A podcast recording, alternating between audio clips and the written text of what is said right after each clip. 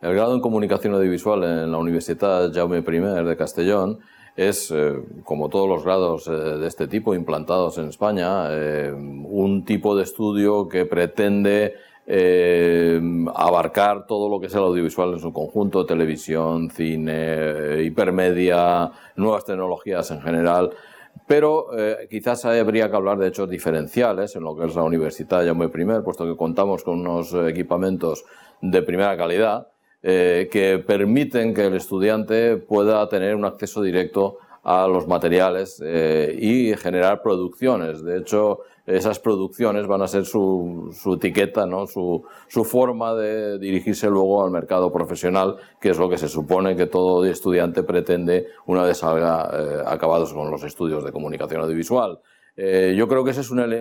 una cuestión diferencial muy importante que al mismo tiempo tiene que unirse con la voluntad que tenemos aquí en esta universidad de que los aspectos teóricos no se dejen en absoluto de lado. Esto no es una formación profesional y por lo tanto de lo que se trata fundamentalmente es de que el alumno eh, adquiera eh, capacidad en el trabajo con el audiovisual pero al mismo tiempo eh, capacidad reflexiva, capacidad teórica, conciencia crítica del mundo en el que vive y que todo esto pueda aplicarlo de una forma concreta en los eh, productos audiovisuales que genere eh, durante la carrera y en el futuro. En realidad, eh, de lo que se trata es de que se marque o se instale, digamos, una primera piedra que después hay que seguir cultivando año a año a lo largo de su vida.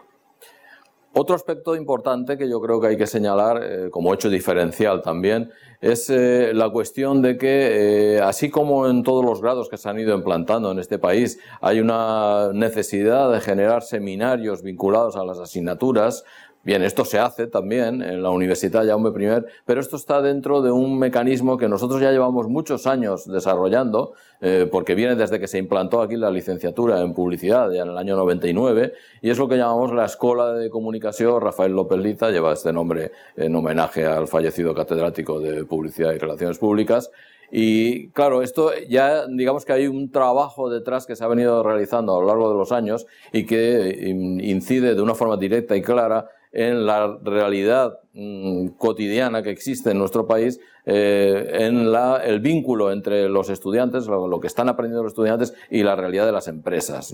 Eh, ya digo que esto no es algo que se ha implantado porque llegó Bolonia y hubo que implantarlo, sino que venía ya de antes y lo que ahora se ha hecho es vincularlo a las asignaturas concretas.